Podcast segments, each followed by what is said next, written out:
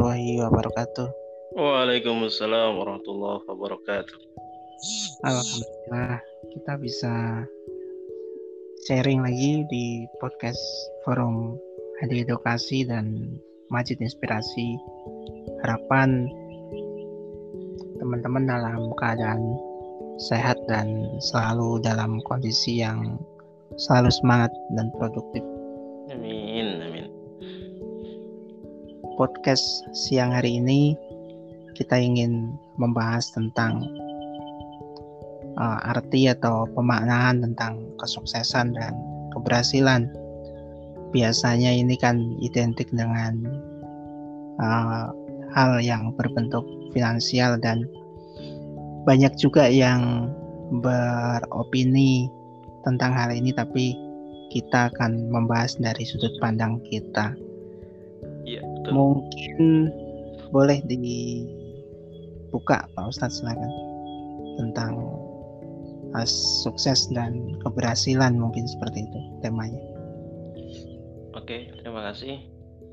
Bismillahirrahmanirrahim. Uh, puji syukur kepada Allah karena kita kesempatan kali ini masih diizinkan Allah untuk sama-sama belajar ya tentunya harapannya untuk kita menjadi pribadi yang lebih baik dan lebih baik lagi. Nah, pada kesempatan kali ini ya ini tentang keberhasilan atau kesuksesan. Memang itu mungkin uh, suatu doktrin atau bagaimana uh, dari dulu sama dulu mungkin uh, itu sudah jika kesuksesan itu ya yang memang sifatnya ya finansial gitu. Dan itu sudah pemahaman itu juga sudah masuk ke kampung-kampung ya atau ke desa-desa itu juga begitu. Makanya tidak heran kalau uh, orang tua zaman dahulu itu dia lebih bangga gitu kan. Kalau anaknya itu bisa bekerja di kota gitu kan. Apalagi kalau uh, apa ya sentralnya ya. Kalau di Indonesia kayak di Jakarta gitu kan. Nah yeah, itu orang tua itu akan bangga gitu loh. Walaupun nggak tahu nanti di Jakarta itu kerjanya sebetulnya apa itu mereka nggak mau tahu. Pokoknya uh, nanti pas Lebaran gitu kan pulang itu uh, apa namanya ya sudah menjadi kebanggaan dan kadang-kadang itu sampai ini ya ada temen sih. Jadi dia itu sebetulnya cuma karyawan biasa gitu kan.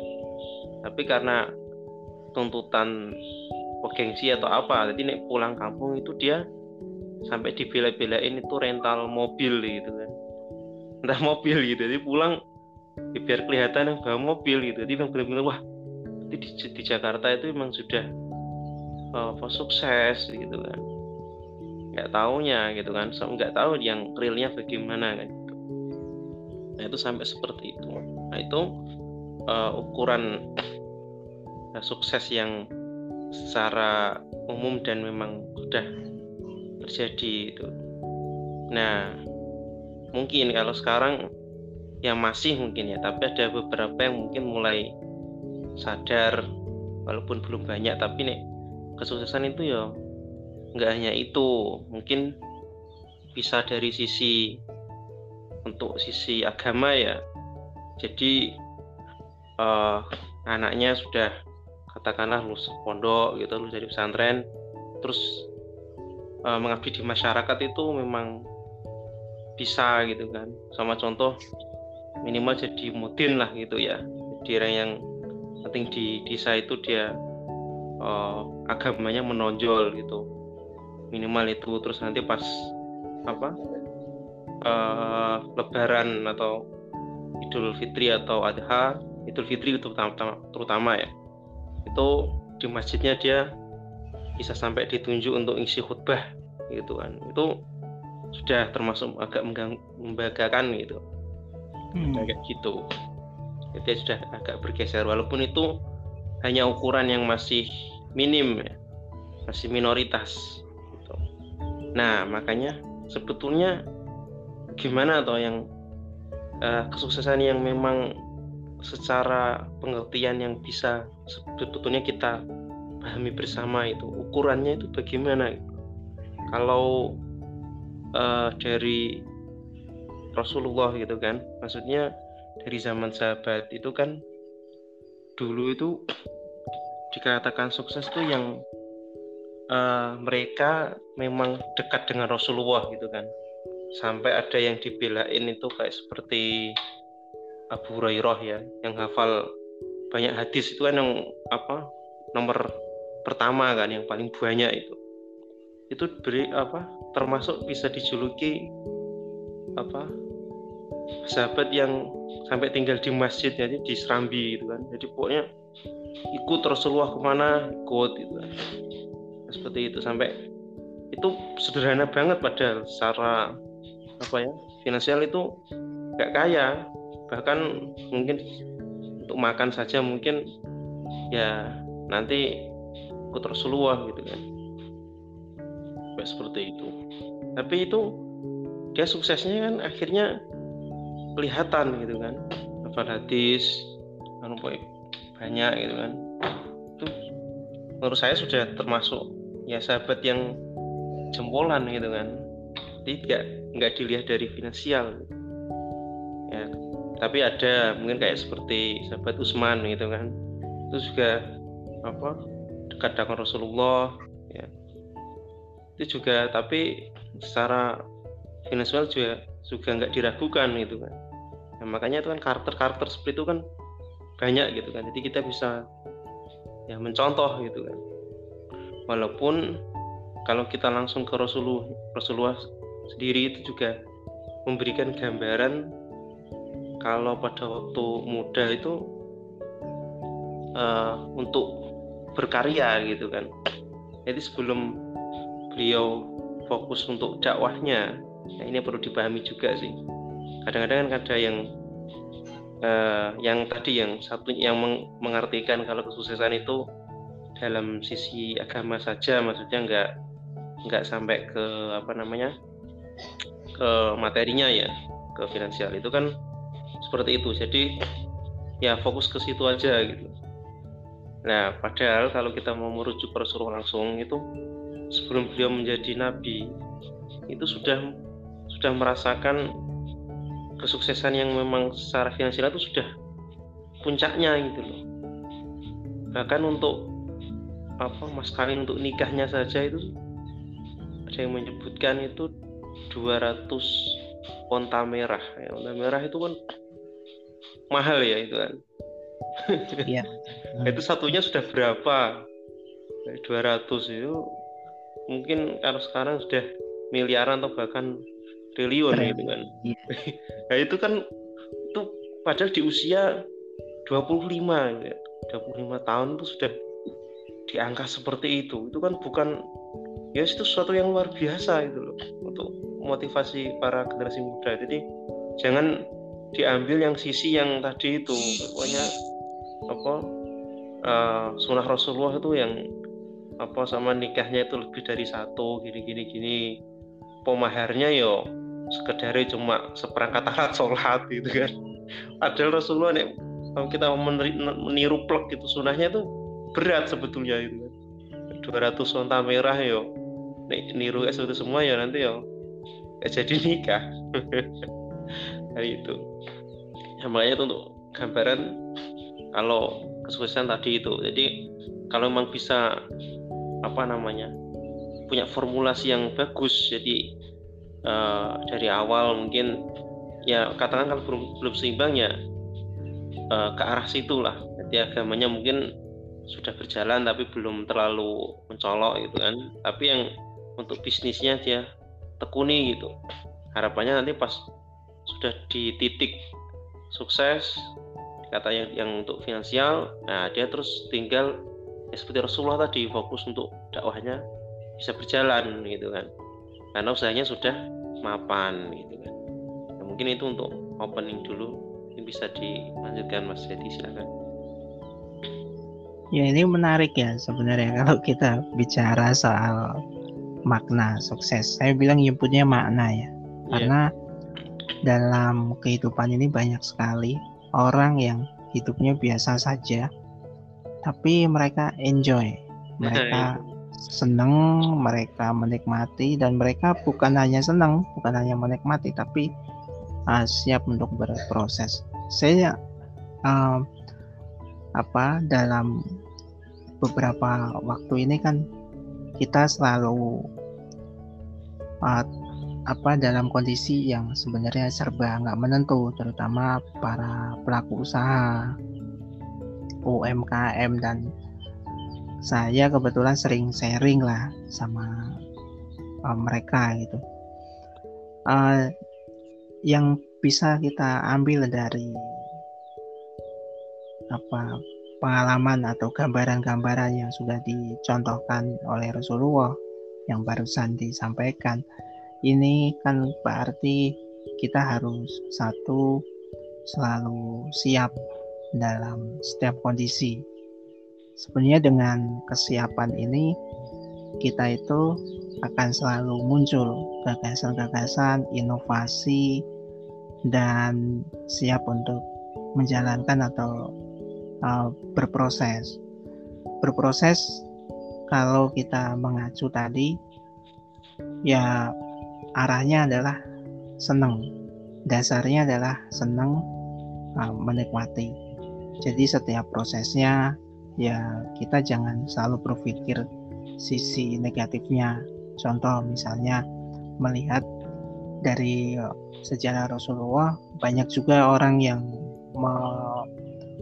memahaminya sedikit sedikit kurang pas misalnya kalau Rasulullah itu kaya karena memang ya turunan.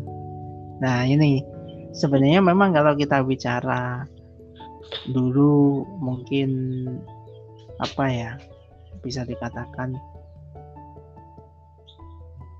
uh, Pak T atau apanya lah ya. Pokoknya family lah ya familinya keluarganya memang orang-orang uh, ketua suku gitu. Iya itu dari kakeknya kan, dari kakeknya itu sudah terpandang ya, di situ sudah, nah. sudah terpandang. Terus pamannya itu yang mendampingi beliau yang apa namanya eh, dagangnya juga ya cukup dikenal. Uh, Cuman kan ini sebenarnya ada juga yang melihat dari sisi kesederhanaannya, ada yang melihat dari sisi oh Rasulullah ternyata nggak kaya atau miskin. Jadi simpang siur yang muncul di itu yang ini yang meyakini Rasulullah itu kan benar-benar zuhud kan sampai apa tidurnya itu sampai pelepah kurma sampai apa namanya nge ngeplek apa namanya itu di ya. punggungnya sampai ya. begitu. Nah ini kan sebenarnya salah satu konsep yang harus kita rubah mulai saat ini yaitu semuanya memang ada proses. Satu tadi misalnya kalau kita mengacu pada Rasulullah yang pertama adalah usaha dan doa semaksimal mungkin, kemudian berproses untuk dakwah dan ada proses lagi untuk perjuangan. Jadi dakwah juga kan ada kategori lain ini juga kita harus kita pahami. Yeah. Ya. Uh, kalau kita mau yang namanya sukses selain mempunyai dasar tadi senang terus menikmati dan siap berproses. Yang paling penting adalah belajar. Ternyata manusia ini uh, langkah awal untuk memaknai sukses dengan maksimal itu ternyata bukan dari karir. Saat ini banyak uh, kesempatan-kesempatan peluang yang bisa kita manfaatkan bisa untuk mendukung. Ada strategi khusus menurut saya yaitu kita pembenahan dari uh, emosional pikiran atau komunikasi pikiran. Maka bisa kita simpulkan dari apa dari beberapa pengalaman dari beberapa sharing orang sukses orang berhasil itu bukan orang yang bisa dikatakan punya kendaraan mewah, bisa dikatakan yang hidupnya cukup. Karena sesuai dengan realita banyak orang yang biasa-biasa aja mereka senang enjoy. Ada yang orang kaya mobil banyak tapi bawaannya ya tetap merasa kurang nyaman, tetap merasa nggak bisa menikmati semua yang fasilitas yang ada. Kita, kita harus mengontrol. Salah satu pengontrolannya adalah meyakini bahwa diri kita ini adalah orang yang sukses, orang yang berhasil, dan orang yang memang selalu beruntung. Jadi kita harus mengingat, memastikan jika perlu kita harus mengucapkan kalimat kita beruntung kita sehat, kita kaya, dan sebagainya. Kalimat-kalimat positif inilah yang sebenarnya harus kita butuhkan saat ini, yang harus kita install. Kalau kita hanya melihat, kita hanya merenungi dan kita mengeluh, nggak ketemu sebenarnya.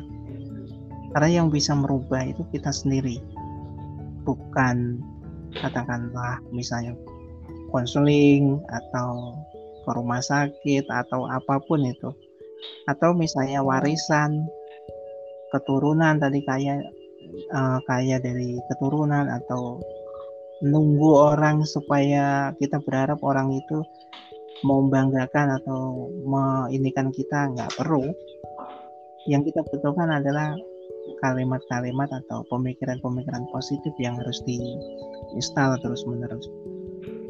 Pasti saya bilang bahwa mengucapkan istighfar, mengirim, membacakan baca fatihah di pagi hari dan malam hari itu dasar sangat dasar dan sebagai orang muslim kita harus melakukan itu.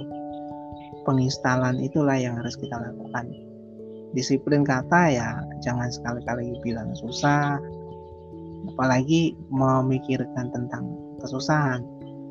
Kan manusia ini secara teori secara teorinya, secara kajiannya itu kan otak uh, teori otak ya itu kan ada otak stres, ada yang slow respon atau membiarkan begitu saja, ada juga yang kreatif atau protek.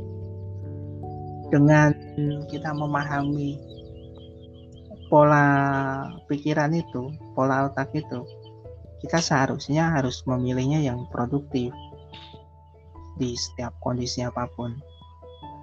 Maka jangan heran orang yang di rumah saja sekarang bisa punya penghasilan. Bahkan penghasilannya melebihi orang-orang yang ibaratnya yang ngantor, yang bekerja di perusahaan besar. Karena memang um, otaknya kreatif, selalu berinovasi, selalu berupaya, dan ini nggak menyalahi kaidah atau aturan Islam. Memang orang Islam itu harus kaya. Kok bisa kaya kayanya? Karena dengan kaya dengan inovasi-inovasi dakwah kita ini bukan dakwah yang dinamakan atau yang disebut atau dikategorikan oleh Rasulullah. Dalam artian kan kita bisa bisnis itu termasuk dakwah.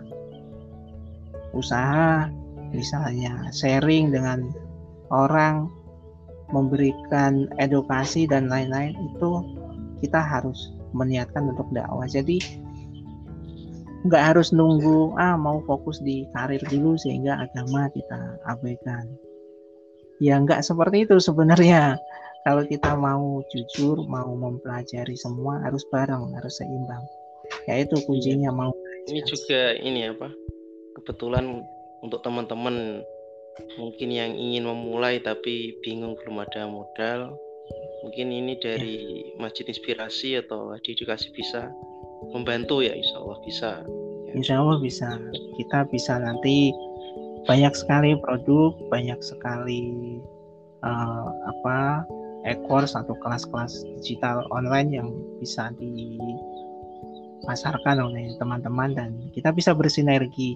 Ya, maka motivasi kita sekarang adalah satu bagaimana kita semua ini bisa berdaya mensupport saling mensupport. Jadi bukan sekali lagi sukses bukan hanya untuk segelintir dua gelintir orang bukan hanya untuk akademik yang tinggi bukan hanya untuk uh, anak orang kaya atau bisa dikatakan pasangannya kaya dan lain-lain bukan itu ternyata pemaknaan dari sukses dan keberhasilan ini adalah bagaimana kita bisa senang bisa nyaman bisa menikmati dan siap untuk berinovasi iya. nah seperti itu kalau dari sudut pandang saya ya dan ini juga saya kira nggak menyalahi akidah gitu ya Pak Ustadz. Iya betul.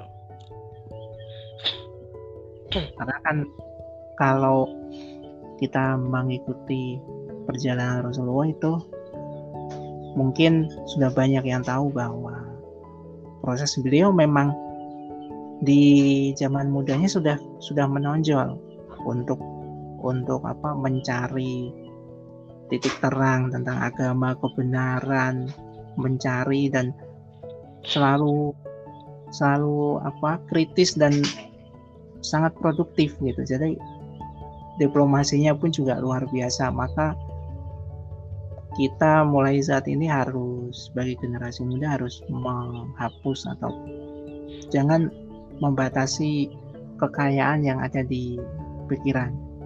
Jadi jangan bilang ah saya nggak sekolah atau saya masih muda belum cukup untuk mempelajari sesuatu dan belum pantas untuk kaya mungkin gini ya Mas Hadi apa hmm. kadang-kadang yang terjadi ya ini dari beberapa sharing itu mereka walaupun ada katakanlah sudah mahasiswa itu ya dan itu kadang-kadang masih belum berani untuk bermain padahal ini hanya mindset ya pikiran hmm. aja itu mereka itu nggak berani punya harapan atau impian yang tinggi soal dalam bidang usaha itu dia masih nggak berani itu masih apa mau kayak seakan-akan itu ngukur sendiri padahal secara akidah itu sebenarnya kita sudah diajarkan ya kalau kita punya ini apa cita-cita itu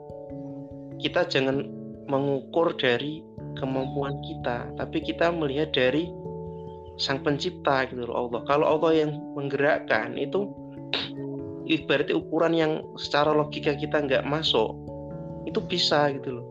Nah itu yang kadang-kadang ini diterapkannya masih gimana ya? Mereka mungkin sudah tahu, sudah pernah baca-baca, tapi untuk kenyataannya masih ini apa namanya masih ya masih belum bisa terlaksana gitu loh sama contoh kayak kemarin ada teman yang disuruh buat program kreatif mahasiswa ya nanti kalau bagus kan rencana mau di didanai gitu kan.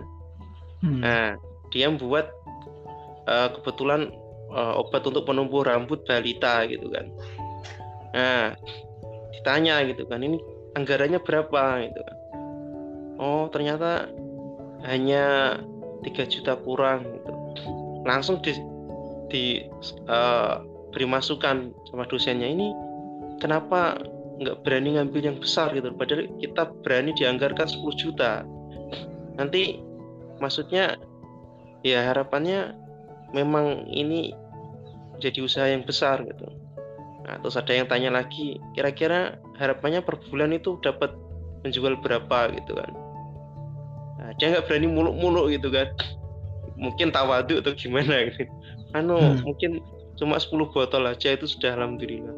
Nah, langsung ada temen yang protes tuh gimana tuh? Katanya ini yakin usahanya nanti apa maju dan berkembang gitu kan. Kok ini nggak berani apa punya apa baru plan aja. Rencana itu 200 botol mungkin. Bisa menghasilkan sampai segitu gitu. Untuk dana yang sekian tadi itu katanya bisa 200 botol. Kenapa satu bulan cuma 10 botol gitu kan?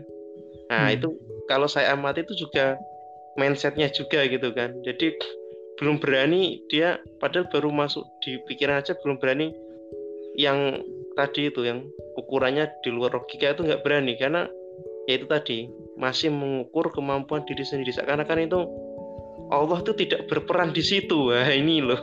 Gimana itu Mas Adi? Karena memang tadi uh, ibarat komputer atau smartphone sebenarnya fitur smartphone itu sangat luar biasa, sangat canggih.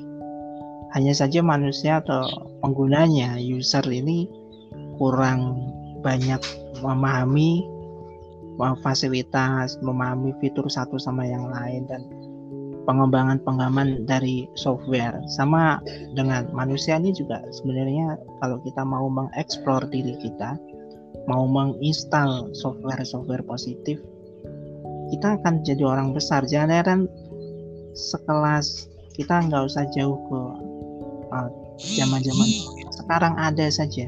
Kenapa?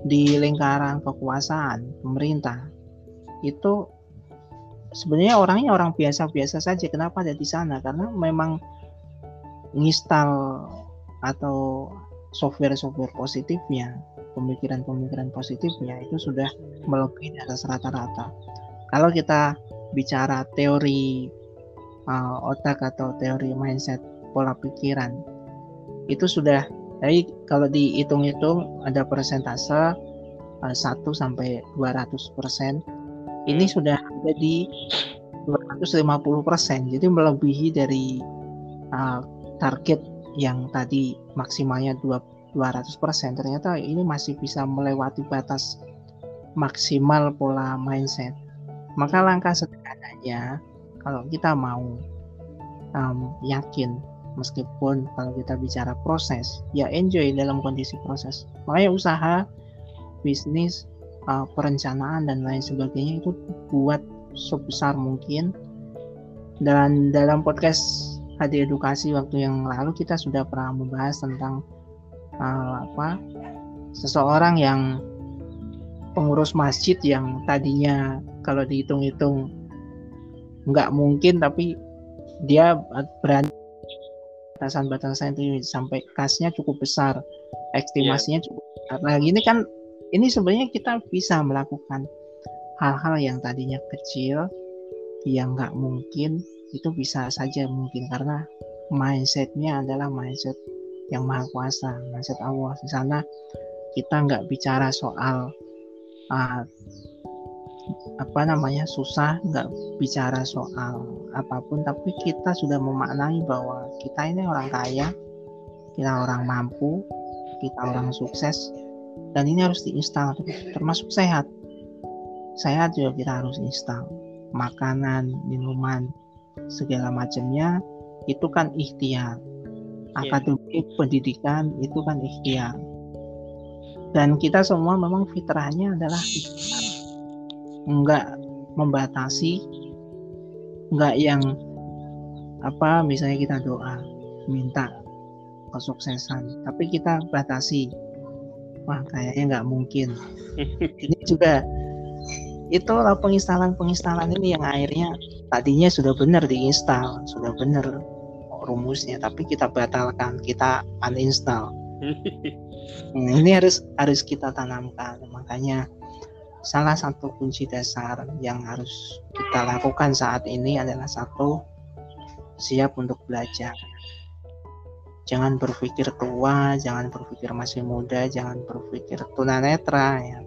Saya sering dulu mendapat uh, semacam kalimat motivasi dari orang-orang bahwa katanya tunanetra nggak bisa apa-apa dan tunanetra belajar nulis belajar uh, baca belajar bisnis tentang ilmu marketing dan lain-lain itu nggak ada manfaatnya hmm. kalimat motivasi itulah yang membuat saya meskipun sekarang masih biasa-biasa tapi saya bersyukur bahwa dengan kondisi pandemik dengan kondisi yang orang harus kerja di kantor saya bisa freelance di rumah dan orang masih mempelajari tentang apa teknologi misalnya server untuk jawab pesan otomatis misalnya Facebook marketing.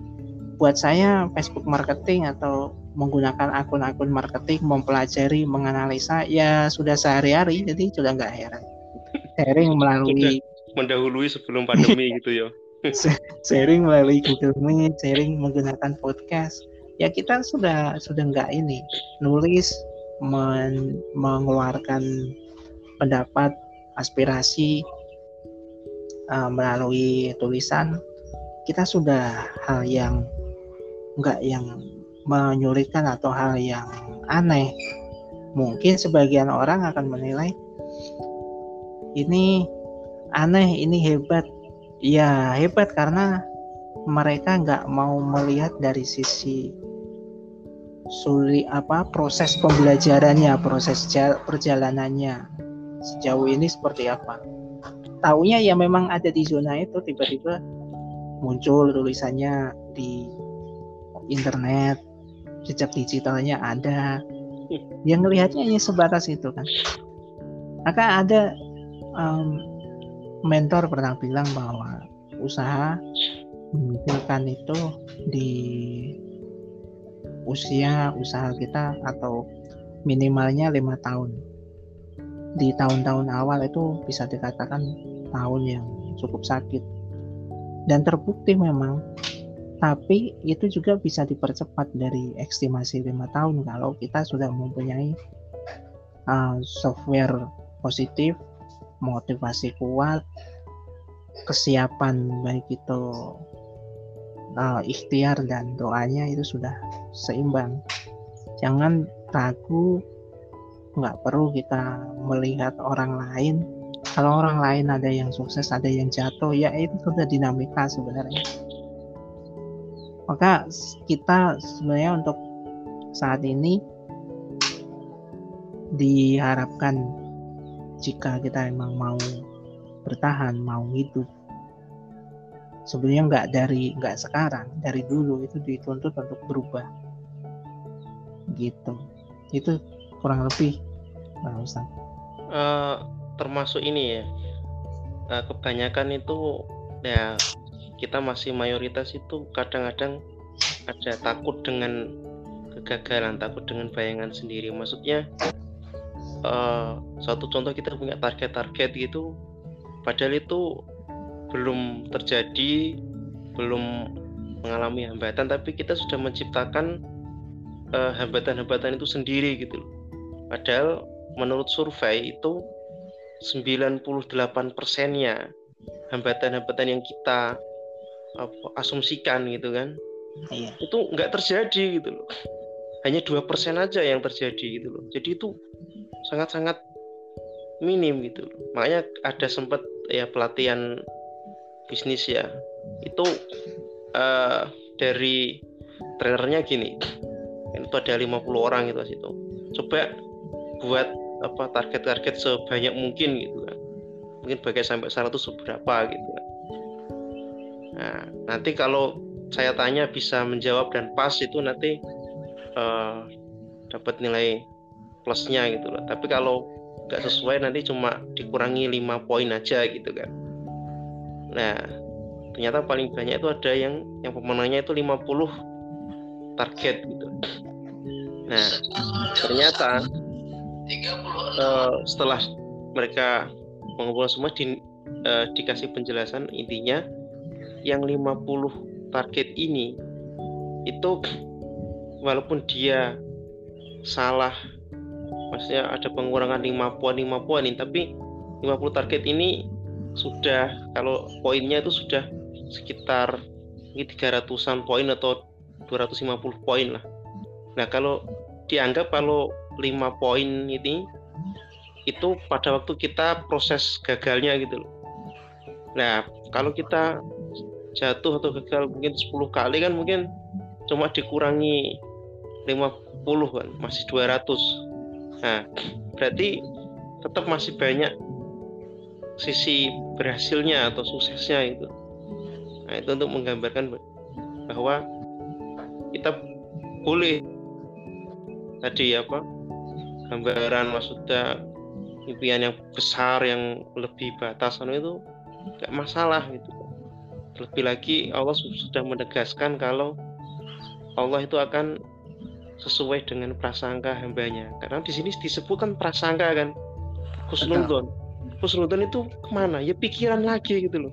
Sebenarnya itu iya. Allah dari dulu sudah memberikan itu kisi-kisi caranya. Maksudnya kita yakin tuh juga berawal dari pikiran loh. Tapi kita kadang-kadang masih meragukan itu kan gitu karena sudah terdoktrin dengan dengan pola pikir tadi pola pikir kalau sekolah pendidikan tinggi PNS berkarir di kantor pensiun dapat dana pensiun. Hanya hanya sebatas itu tapi jarang yang memikirkan bahwa kita uh, dalam zona sekolah dalam kegiatan berproses apa pendidikan itu juga kita diwajibkan untuk praktek real. Praktek real yaitu berbisnis berusaha terus kita juga dakwah mengembangkan dakwah ini kan bukan bukan tugasnya ustadz uh, pesantren bukan dakwah bukan hanya sebatas itu tapi kita mempelajari makna-makna memaknai segala macam termasuk caci maki orang nyingiran orang dan kita maknai dengan uh, hal-hal yang positif. Saya kira ini adalah langkah yang cukup membantu atau kita juga sudah masuk ke kategori dakwah. Karena kan ya tadi usaha jadi hal yang cukup produktif dan membantu jika semuanya dilakukan dengan kejujuran dengan sesuai dengan kaidah amanah. Jika kita apa mendasari pemikiran kita dengan pola-pola yang positif maka semuanya kan akan produktif. Jadi memang dengan apa banyak pembelajaran tahu bersama pada intinya adalah kita sekarang harus siap untuk mengevaluasi. Siap mengevaluasi siap berubah dan siap untuk mencari jangan menunggu. Makanya saya sering bilang pada diri saya sendiri bahwa kalau sekarang ada orang yang misalnya meragukan ya biarkan orang itu meragukan kita biarkan orang itu meragukan saya. Tapi yang penting apa-apa yang saya lakukan apa-apa yang saya misalnya sharingkan itu semata-mata hanya membantu diri saya untuk tetap dalam kondisi yang produktif tetap dalam kondisi yang baik. Tentu ini jauh daripada sempurna karena kita ini ya adanya hanya kurang. Iya, kita bicara soal misalnya disabilitas. Kita akan bicara tentang miskin tentang orang yang biasa-biasa saja sama orang kaya. Yang berhak bicara nggak hanya mereka yang kaya dan orang yang berpendidikan tinggi selama kita mempunyai pemikiran positif dan kita bisa melakukan bisa menjalani tahu prosesnya dengan sepenuh-penuhnya menikmati itulah sebenarnya. Maka maka menurut saya untuk stigma atau pemikiran-pemikiran yang membatasi ini kita harus hapus sekarang juga. Supaya kita sama-sama jadi orang yang produktif dan memaknai sukses serta kaya itu atau berhasil. Itu dimulainya dari kekuatan pikiran yang jernih yang netral bukan bayangan semu seperti uang seperti jabatan dan lain-lain.